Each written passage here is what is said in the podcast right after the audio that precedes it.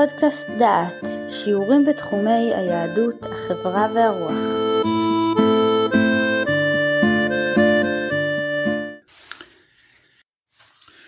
ברוכים הבאים לפודקאסט דעת, לקורס רטוריקה, תורת הנאום.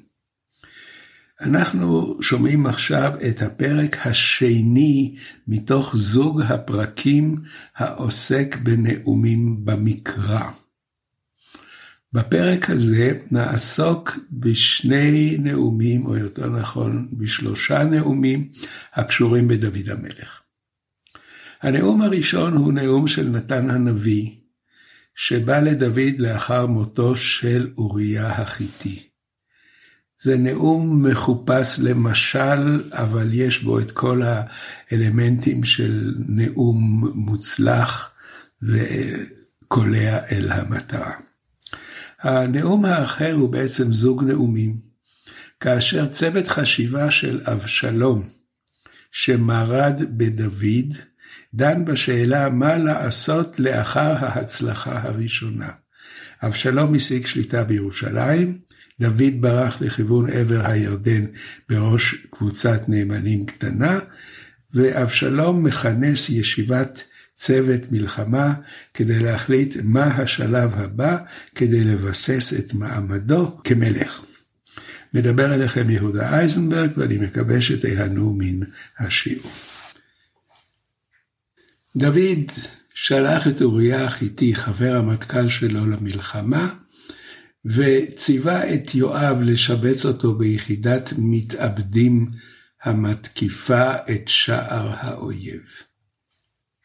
יואב עשה את שנצטווה, והכתוב אומר, ויהי בשמור יואב אל העיר, וייתן את אוריה אל המקום אשר ידע כי אנשי חיל שם, ויצאו אנשי העיר, וילחמו את יואב, ויפול מן האב מעבדי דוד, וימות גם אוריה החיתי. עכשיו, למעשה הזה יש תגובה בנאום מחופש של נתן הנביא. נתן היה הנביא, הנביא של המלך, והוא בא ונואם נאום שגם הוא מלאכת מחשבת. וכך אומר נתן, שני אנשים היו בעיר אחת, אחד עשיר ואחד רש. לעשיר היה צאן ובקר הרבה מאוד, ולרש אין קול, כי אם כבשה אחת קטנה, אשר קנה, ויחייה, ותגדל עמו, ועם בניו יחדיו. מפיתו תאכל, ומכוסו תשתה, ובחיקו תשכב, ותהי לו כבת. ויבוא הלך לאיש העשיר. ויחמול לקחת מצונו ומבקרו לעשות לאורח הבא לו, ויקח את כבשת האיש הרש, ויעשיה לאיש הבא אליו. נאום קצר, סיפור שהוא יכול לקרות. בינתיים אין שום נורת אזהרה נדלקת אל מול דוד. יש רק משהו צורם בסיפור הזה. מה הוא מספר על הכבשה?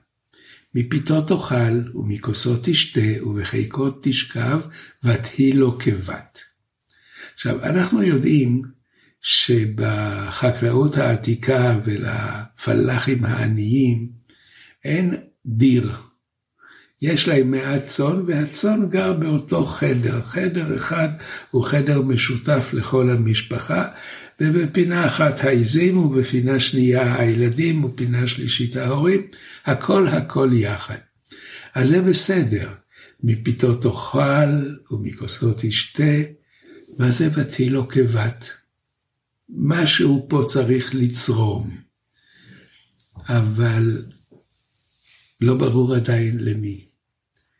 עכשיו יש פה עוד דבר, יש חמלה בה, בסיפור הזה.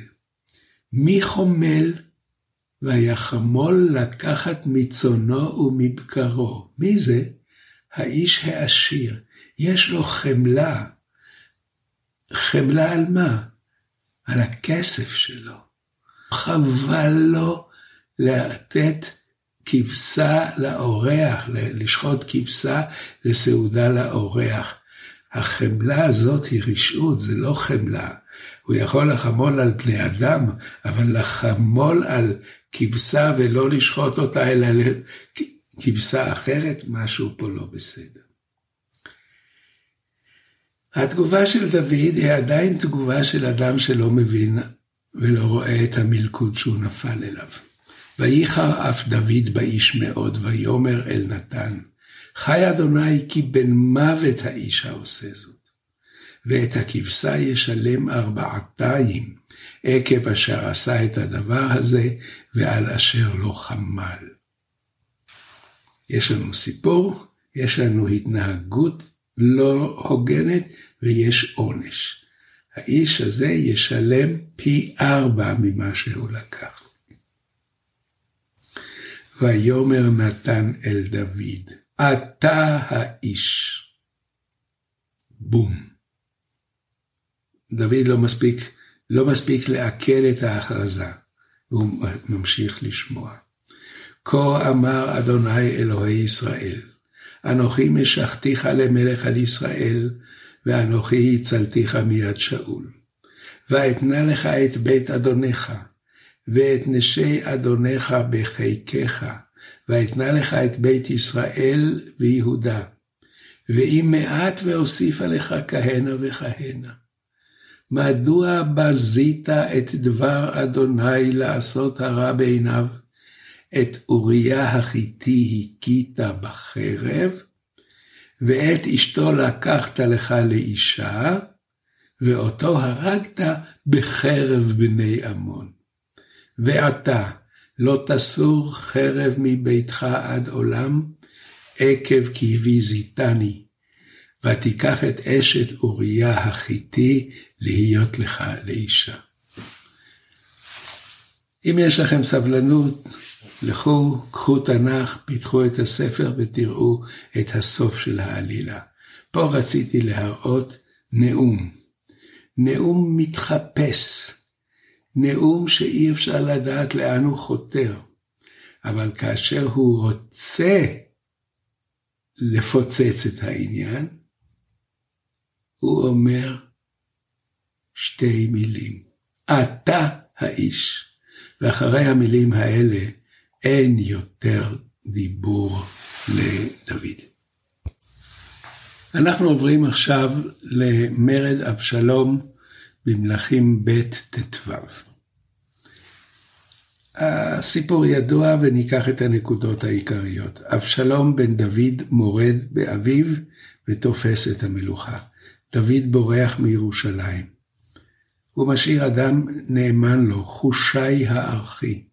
הוא היה רע דוד, חבר המלך, הוא מתחזה למי שעבר את הקווים והפך להיות נאמן לאבשלום.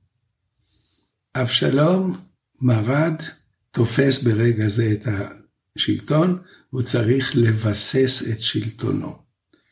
ויש שני אנשים שיועצים לו מה לעשות עכשיו, והוא שומע שני נאומים.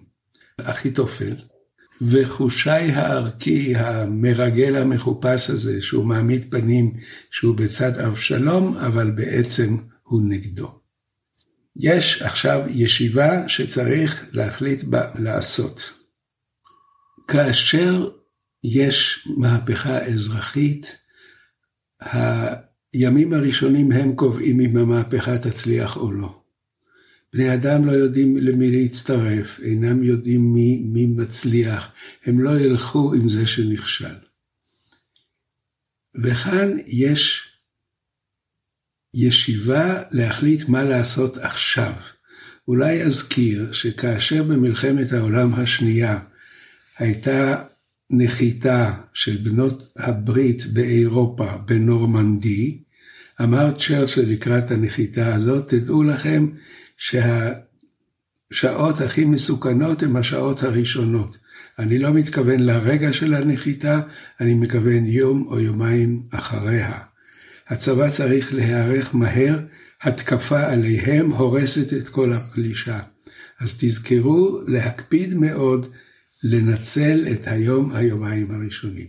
זה בדיוק מה שעומד כאן בפני הצוות של אבשלום, שצריך להחליט מה לעשות עכשיו.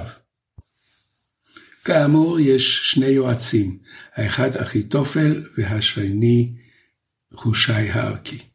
אחיתופל מייעץ עצה קצרה ופשוטה.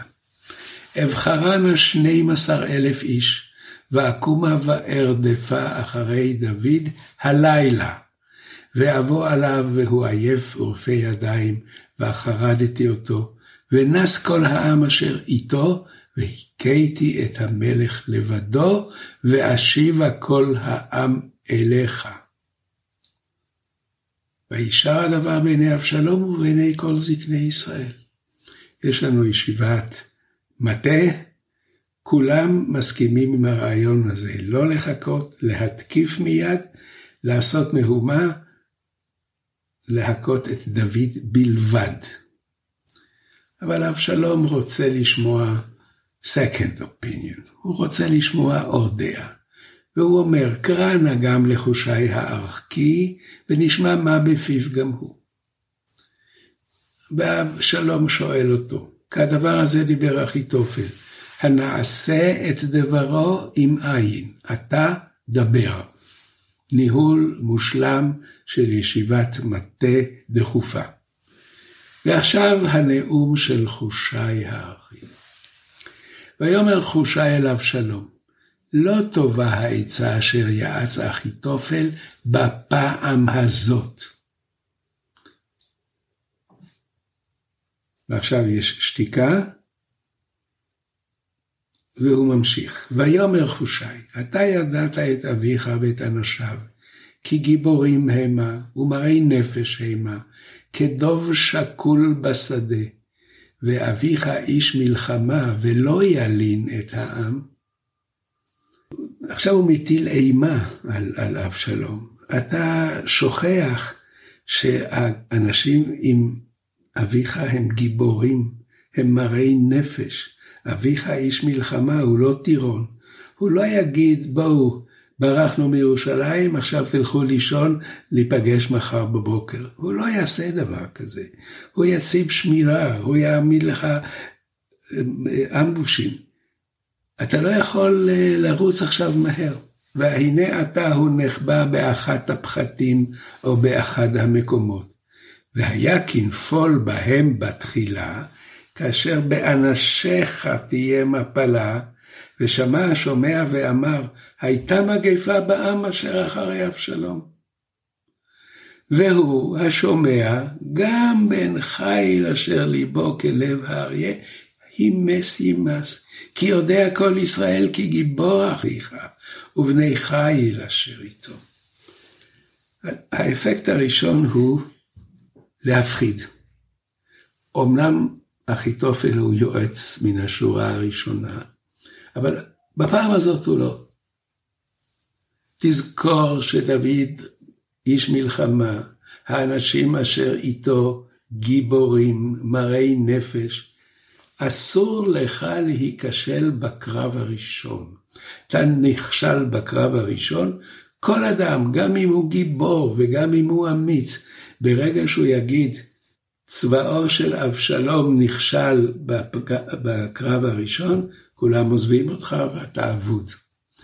עכשיו הוא נותן את העצה שלו. ותשימו לב לתערובת של חנופה ויוהרה וסרקזם ולה, הכל פה משולב. כי יעצתי, אומר חושי, האסוף יאסף עליך כל ישראל, מדן ועד באר שבע, כחול אשר על שפת הים לרוב, ופניך הולכים בקרב. ובאנו אליו באחד המקומות אשר נמצא שם, ונחנו עליו כאשר ייפול הטל על האדמה, ולא נותר בו ובכל האנשים אשר איתו גם אחד, כולם יברחו.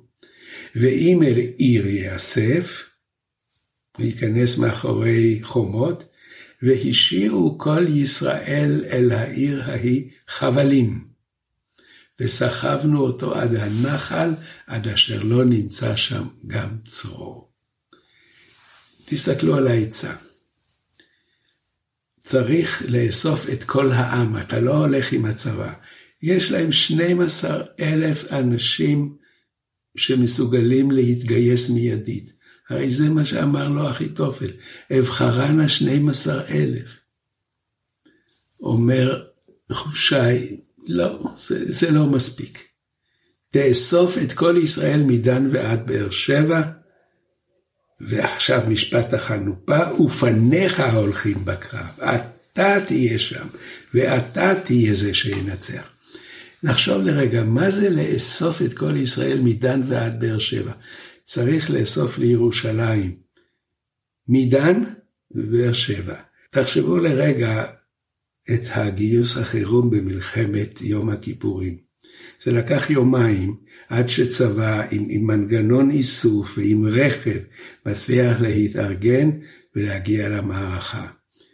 ללכת ברגל מירושלים עד דן, זה ייקח שבוע, לחזור זה עוד שבוע, באר שבע אותו דבר, לוקח שבועיים, שלושה שבועות עד שהחיילים נמצאים. הם לא מאורגנים בחטיבות ובגדודים ובשדרת פיקוד. צריך לארגן את הצבא, כי פה מדובר על, על גיוס חירום של מילואים שהם בעצם לא מיליציה מאורגנת למלחמה. מה שאומר לו היועץ הוא, תתחיל לתכנן יפה, תלך למלחמה בעוד שלושה שבועות, בעוד חודש, אתה תלך. הפנים שלך בקרב, כולם ידעו שאתה המנצח. ועכשיו הוא ממשיך, איך תראה המלחמה? ובאנו אליו באחד המקומות אשר נמצא שם, ונחנו עליו כאשר ייפול הטל על האדמה. אנחנו נהיה כל כך הרבה, שכולם יתעופפו, אף אחד לא יישאר איתו. ואם הוא ייכנס לעיר, עכשיו הסרקזם, הוא, הוא לא מתאפק, הוא הופך את העצה שלו לקריקטורה. אם הוא ייכנס לעיר, והסיעו כל ישראל אל העיר ההיא חבלים. נביא חבלים, ונקשור את כל הבתים בחבלים, וסחבנו אותו עד הנחל, עד אשר לא נמצא שם צרור. את כל העיר אנחנו נסחב לנחל, אנחנו כל כך הרבה אנשים, שנוכל לסחוב את העיר ולפורר אותה. זו קריקטורה, זו טיפשות. עצה כזאת יכול להגיד רק אדם שמימיו לא נלחם. אבל חושי הערכי עושה זאת. הוא עושה זאת מפני שהוא מתחנף, מפני שהוא מזכיר לאבשלום, אתה צריך לנצח. הם פחדנים, הם אמנם גיבורים, אבל אנחנו נהיה המונים. נבוא עשרות אלפים, מאות אלפים, כל העם יבוא. אבשלום התפתה. ויאמר אבשלום בכל איש ישראל, טובה עצת חושי הערכי מעצת אחיתופל. והסיום, ואדוני ציווה להפר את עצת אחיתופל הטובה, לבעבור הביא אדוני אל אבשלום את הרעה. זהו, ראינו נאום. נאום קצר, תכליתי, מסודר של אחיתופל. רואים שהוא יועץ המלך, רואים שהוא מייעץ לענייני צבא. הוא יודע לעשות מה שצריך לעשות, עכשיו מיד הוא לא מתחיל להתבטל. ובא חושי הערכי, חנפן, מספר לאבשלום דברים מפחידים על, על דוד ואנשיו. אחרי שהוא נכנס לפאניקה, הוא אומר לו, עכשיו אתה צריך להביא את כל הצבא. וזה לא מספיק, אתה תהיה המלך, אתה תהיה המוביל, כולם יסתכלו עליך. חנופה, הפחדה, ואחר כך רעיונות מטומטמים שהם פתאום מתקבלים על הלב. וההסבר של הכתוב הוא מאוד פשוט.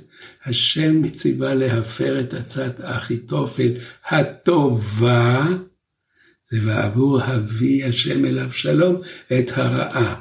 כדי שאבשלום ייכשל, העצה הטובה צריכה להיכשל גם היא. הנה, יש לנו נאומים יפהפיים, בנויים לתלפיות, ואנחנו רואים כיצד כל נאום תופס את הסיטואציה, יודע אל מי הדברים מכוונים, יודע כיצד להחניף לאבשלום, יודע כיצד לרפד את האגו של דוד שנפגע מחוצפתו של נבל. והנאום משיג את מטרתו. המלחמה הולכת לכיוון שחושי הארקי רוצה, התגובה של דוד מתבטלת בשל הדברים המתוחכמים של אביגיל.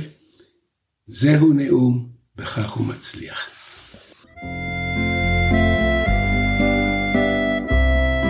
שמעתם שיעור מאת פרופסור יהודה איזנברג. את הקורס המלא וקורסים נוספים ניתן לשמוע באתר דעת במדור פודקאסט.